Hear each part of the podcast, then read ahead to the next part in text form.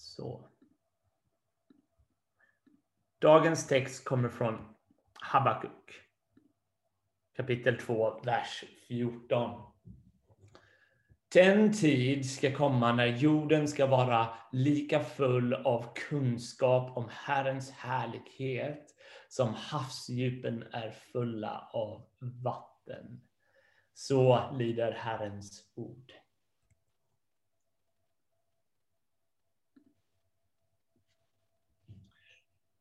Amen. Gott att få eh, fira gudstjänst igen och få ta den här stunden av att få tillbe och lovsjunga och vara i gemenskap med varandra, men eh, framför allt, ja inte framför allt, det är underbart med gemenskap med varandra, men det som är den förändrande faktorn är att Gud är i gemenskap med oss. Eh, herre, jag tackar dig för att vi får samlas i ditt namn den här söndagen, Herre. Tack att du är mitt ibland oss, Herre. Tack att du är hos oss där vi är, i våra vardagsrum, i våra kök, i våra sovrum eller ute på promenaden eller var vi än befinner oss just nu, här när vi, när vi firar den här gudstjänsten tillsammans. Tack att du är hos oss, här. Och jag ber nu att du ska öppna våra hjärtan, här. Du ska beröra oss, här. Att du ska tala till oss, här. Så heligande, håll mig i ditt grepp så att jag får tala ord inspirerade av dig. Att jag får lägga ut ditt ord på ett sätt som är rätt och riktigt. Men inte bara teori utan ande och kraft i Jesu namn. Amen. Underbart. Vi är skapade för gemenskap med Gud. Och eh, precis så som en fisk är skapad för vatten, en fågel är skapad för himlens frihet, så är du och jag skapad för Guds närhet.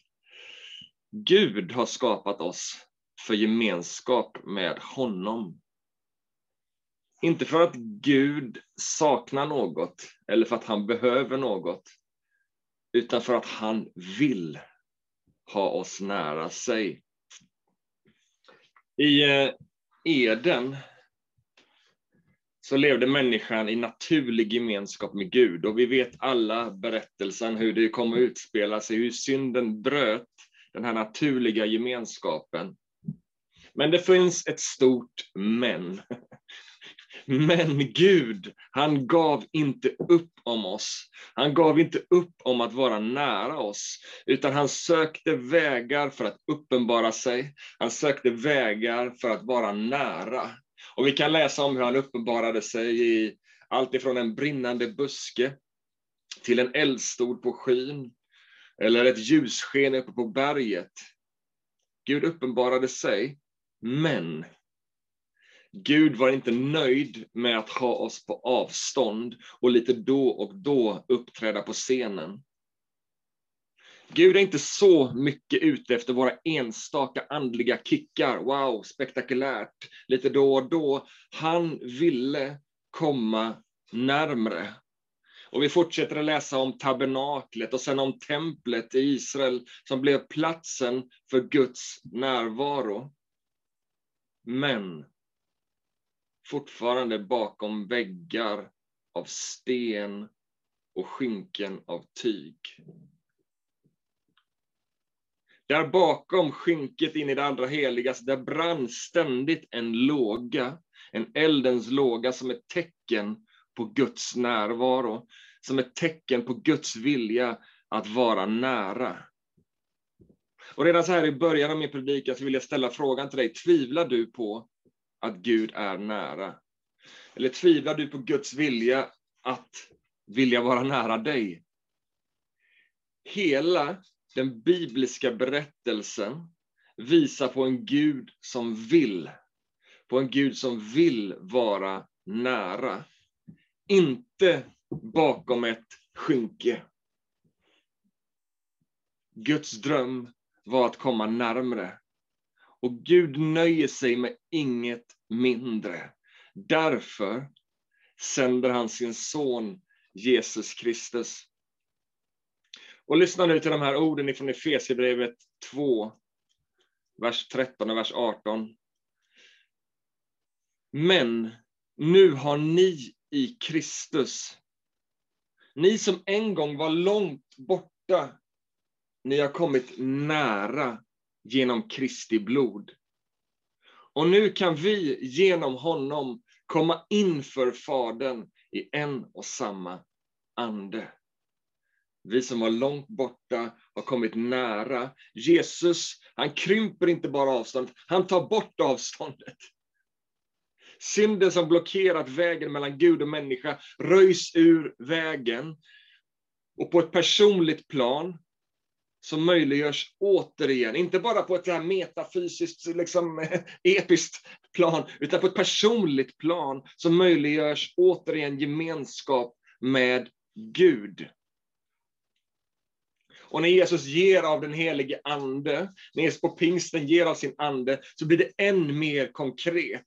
Gud och människa förenas igen. Och Jesus själv, säger själv i Johannes 14, vers 16 så här, jag ska be Fadern att han sänder er en annan hjälpare som för evigt ska vara hos er, sanningens ande. Och då ska ni förstå att jag är i min fader och ni i mig och jag i er. Intimitet, närhet. Man kan tänka Jesus himmelsfärd och anden kommer, att det skulle vara en nedgradering, liksom, att vi får en liten tröst snuttefilt här under en period. Anden är ingen snuttefilt. Anden är ingen nedgradering. Anden är inte mindre Gud än sonen, utan anden är en del av Gud. Gud är Fader, Son och helig Ande. Har vi Sonen så har vi Anden och Fadern. Har vi Anden så har vi Sonen och Fadern. Det är liksom ingen nedgradering att han ger av sin Ande. Tvärtom, han är hos oss för evigt, säger Jesus. Vi i honom och han i oss. Intimitet, närvaro. Ja, det är inte ännu i fullkomlighet. Vi är fortfarande i världen som är märkt av synd. Vi är omgivna av otro och otron finns också här uppe i våra egna tankar och kanske ibland också lite i våra hjärtan. Men mitt i det här så har Gud tagit sin boning ibland sitt folk och i sitt folk. Och det är här som jag vill knyta ihop vår serie Gud är. Vi har pratat om vem Gud, olika karaktärsdrag, olika sanningar om Gud. Men jag vill idag knyta ihop den här serien med att tala om Gud som är nära. Därför att Gud kan vara precis vad som helst. Han kan vara massor fantastiska saker. Han kan ha helt underbara attribut. Men om man inte är intresserad av mig och om man inte är nära så spelar det ganska lite roll vem han är. Men om han är närvarande så gör det all skillnad i världen. Och det är vad han säger om sig själv, att han är nära. Det är det vi ska utforska än mer idag. Och vi har talat om den här serien, han som är rik på nåd. Han som är barmhärtig och god. Han som är helig och majestätisk. Han som är mild och ödmjuk. Han som är glädje han är också nära. Och han bjuder oss djupare in i sin härlighet, djupare in i gemenskap med sig. Och han bjuder oss att inte bara veta vem han är, utan också att uppleva vem han är. Det är inte bara teorier. Det är inte bara så, utan genom kraften lär vi känna honom. Det är kraft, det är ande, det är närvaro. Det finns en påtaglig erfarenhet av vem Gud är. Vi får smaka och se att Gud är god. Smaka på vem han är och allt han säger sig vara.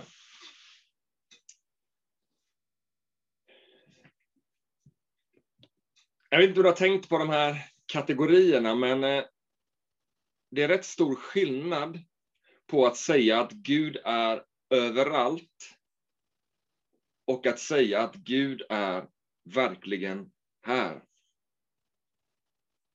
Båda är ju precis lika sant. Gud är överallt. Gud är inte beroende av plats, Gud är inte begränsad. Teologer kallar det för att han är omnipresent, han är allestädes närvarande. Det är sant. Det finns en risk att det stannar där för oss. Att det bara är så vi förhåller oss till Gud. Ja, Gud är överallt. Vi stannar vid en Gud som upplevs som allmänt, passivt närvarande. Gud är nära alla, men han är inte riktigt nära någon. Men ett av Guds namn i Bibeln, ett namn som beskriver Guds karaktär, hittar vi i eh, eh, Hesekiel 48, tror jag. Och det är Jahve Shama, som betyder Gud som är där. Alltså Gud som är nära, Gud som är mitt ibland sitt folk. Ett av de namnen som Gamla Testamentet uppenbarar om Gud. Gud som är där eller Gud som är nära. Och det är precis i linje med det som profeten Jesaja säger om Jesus. Immanuel. Jesaja 7. Immanuel, Gud med oss. Gud är Immanuel, Gud som kommit nära, Gud som griper in i våra liv, Gud som är personlig. Ja, Gud är överallt. Och det är underbart. Det innebär att han är precis överallt. Vi kan inte gå någonstans utanför hans ansikte. Men det gör all skillnad i världen att han också är här. Och en ganska intressant sak kring detta, det är när Paulus beskriver hur det ska vara vid våra gudstjänster. Och det kan vi läsa om i första Korinthierbrevet kapitel 14. Och han säger så här, vid era gudstjänster, när andens liv fungerar ibland er, då kommer det vara så här, att folk kommer in i era samlingar och de kommer att ropa ut, säger han. Vad kommer de ropa ut? De kommer ropa ut, Gud är verkligen hos er. Första Korinthierbrevet 14 och 25. När Andens liv är verksamt, när Kristi kropp samlas och firar gudstjänst, när de otroende kommer in, så ropar de ut, Gud är verkligen hos er. Gud är överallt, men han är också hos dig, nära dig. Och inte minst på det här temat som Paulus säger, så är han närvarande när vi samlas för att tillbe. När vi samlas som Kristi kropp. Och Jesus själv säger i Matteus 18 och 20, att där två eller tre är samlade i, hans, i mitt namn, så är jag mitt ibland dem. Mitt ibland dem. Och jag är trött på att ha ett teoretiskt förhållningssätt till de här sanningarna ifrån Bibeln.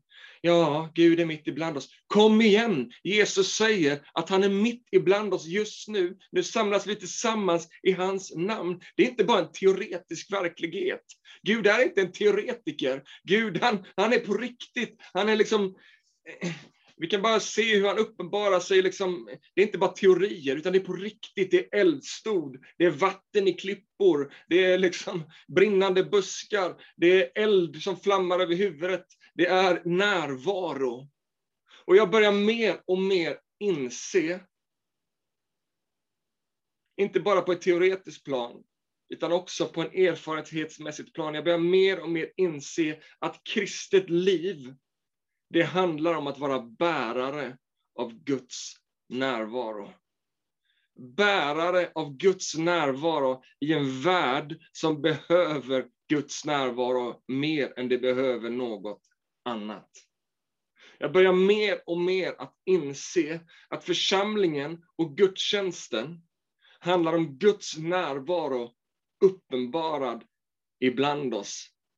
När vi samlas i hans namn så är han mitt ibland oss. En närvaro som är så påtaglig så vi kan ropa ut, Gud är verkligen ibland oss.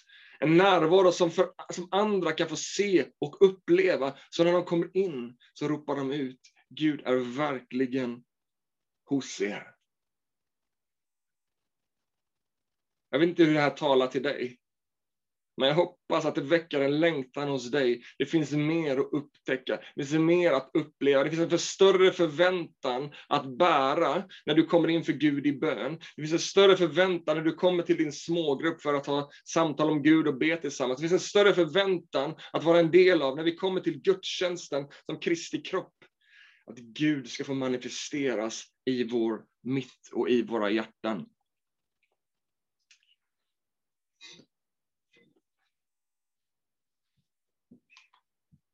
David, kung David, som vi läser om i Gamla Testamentet.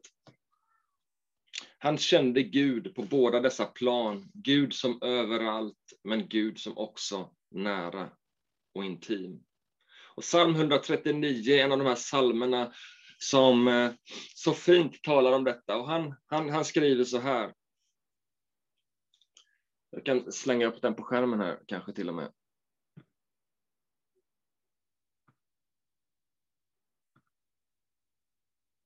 Herre, du rannsakar mig och vet allt om mig. Du vet om jag sitter eller står. Även om du är långt borta från mig så vet du vad jag tänker. Du granskar mig, vare sig jag går eller ligger. Du vet allt som jag företar mig. Redan innan jag har ett ord på min tunga så vet du, Herre, vad jag tänker säga. Du omsluter mig på alla sidor och du håller mig i din, du håller, håller din hand över mig. Att veta detta är förunderligt för mig, mycket större än vad jag någonsin kan förstå. Vart skulle jag kunna gå för din ande? Vart skulle jag kunna fly för din närvaro? Om jag far upp till himlen så är du där. Om jag bäddar åt mig i dödsriket så är du där. Om jag kunde ta morgonrådarens vingar eller gömma mig vid havets yttersta gräns kommer din hand att leda mig, din starka hand att gripa mig. Att veta detta, säger David, det är förunderligt för mig mycket större än vad jag någonsin kan förstå. Och man kan känna på Davids ord att det här är på riktigt för honom. Det var inte bara ett teoretiskt förhållningssätt till Gud, utan en upplevd verklighet. Om jag går dit så är du där, om jag går dit så är du där. Du är överallt, Gud. Du är överallt. Men du är så nära, så du känner mina tankar. Du vet vad jag ska säga innan jag har sagt det. Du leder mig, din hand, din starka hand griper in och leder mig.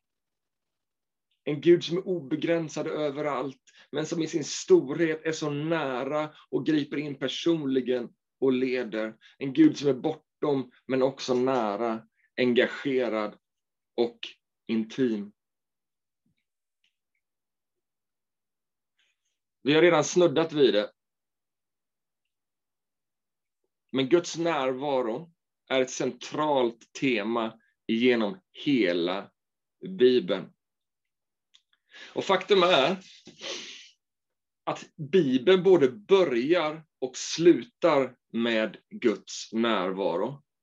Och det som händer däremellan handlar också om Guds närvaro. Det har vi redan pratat om, ni vet korset och anden och allt som har med det att göra, om Gud ville komma nära. Men det börjar och slutar och allting mittemellan handlar om Guds närvaro. Och i första Mosebok, som vi redan har talat om lite grann i början, Eden, i första Mosebok så läser vi om människans första hem. Men detta hem, Eden, beskrivs också som Guds hem. Faktum är att det beskrivs som ett tempel. Vi hinner inte lägga ut det i detalj, men det finns mycket intressanta saker kring Eden som ett Guds tempel. Det var platsen för Guds närvaro. Så platsen där människan levde, Adam och Eva, det var platsen där Gud var nära. Det var platsen där Gud bodde, platsen där Gud och människa umgicks. Trädgården var Guds tempel och människans hem. Det säger någonting om Guds tanke. Det säger någonting om Guds intention med sin skapelse, om hur han och människan ska leva nära. Och bläddrar vi till slutet av boken, till slutet av Bibeln, så kommer vi till Uppenbarelseboken så målas en liknande bild, men i en större skala. Och jag såg en ny himmel och en ny jord. Den första himlen och den första jorden var borta och havet fanns inte mer. Och jag såg den heliga staden, det nya Jerusalem, komma ner från himlen, från Gud, redo som en brud som är smyckad för sin man. Och jag hörde en stark röst från tronen. Se, nu står Guds boning bland människorna och han ska bo hos dem och det ska vara hans folk och Gud själv ska vara hos dem.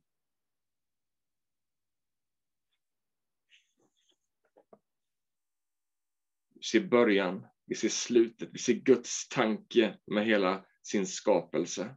Och när man läser detta så kan det inte annat än att slå mig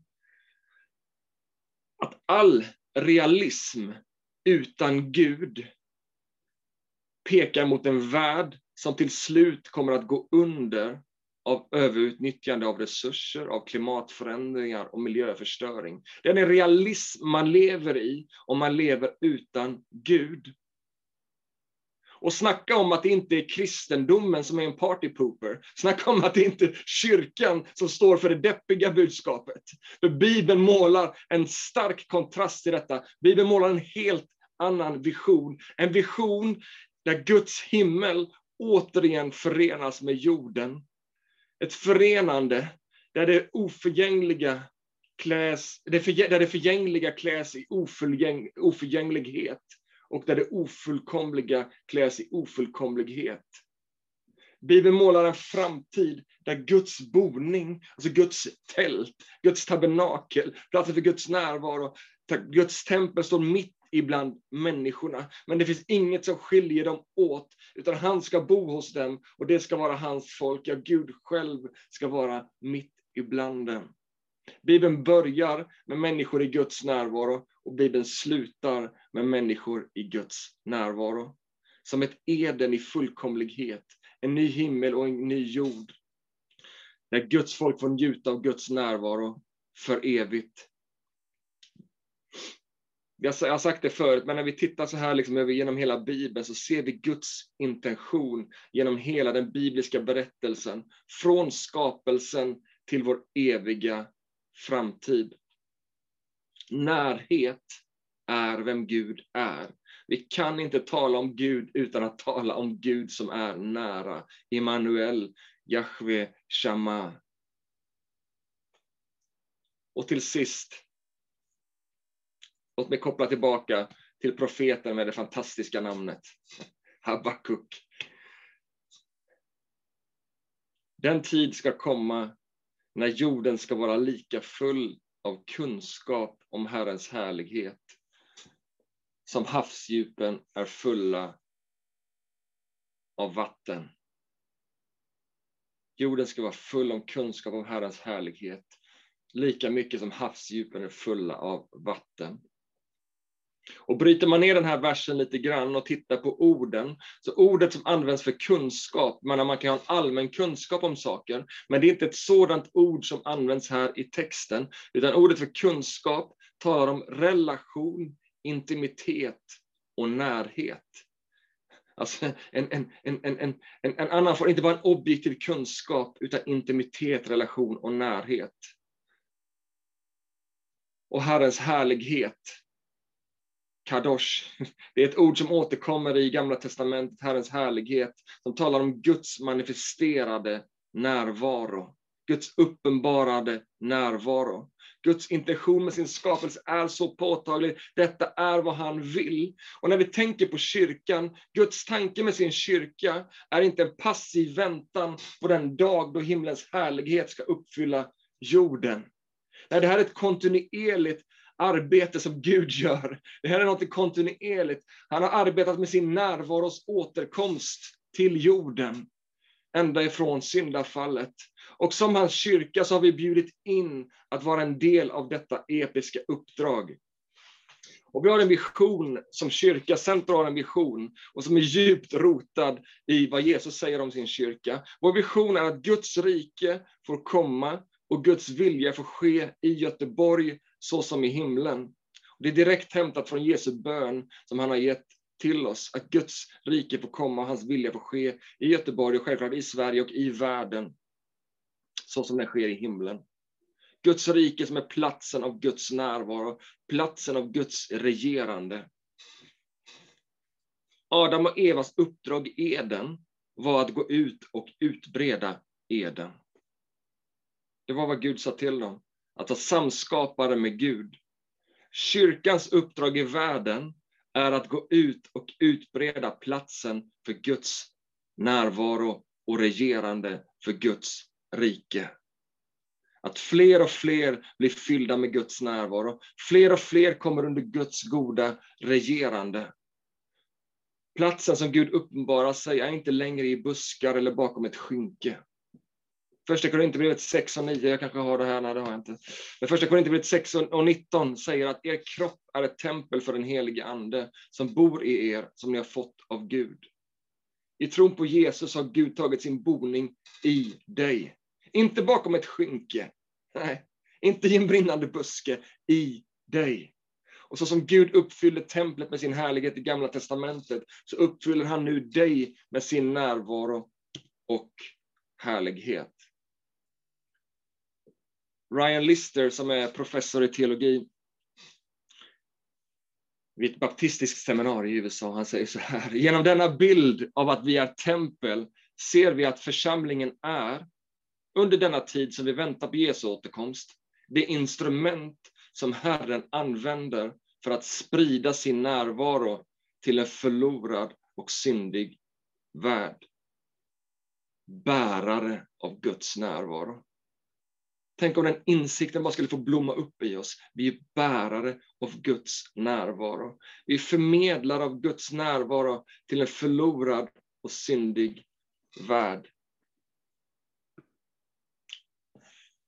Gud vill vara nära dig. Vi ska förvänta oss hans närvaro och vi ska bjuda in andra i hans närvaro och förvänta oss att världen blir berörd av hans närvaro genom oss.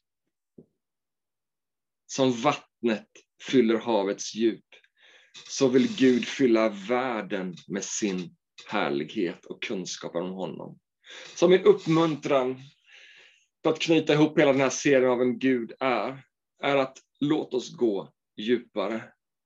Låt oss gå bortom att skrapa på ytan av vem Gud är. Låt oss gå bortom bara teoretiska tankar. Låt oss uppleva än mer av vem Gud är. Låt oss njuta av vem Gud är. Alltså han är så underbar så han är inte bara till för att liksom tänka på, han är till att njuta av. Han är till att bara dyka in i, du vet som ett bara varmt härligt, man är liksom på sommaren, man dyker ner i vattnet va? och bara upplever, bara omsluts av vem han är och hans godhet. Så mina vänner, jag vet inte hur jag ska avsluta det här, men jag avslutar det så. Låt oss dyka. låt oss dyka. Och ta, låt oss ta med andra i diket.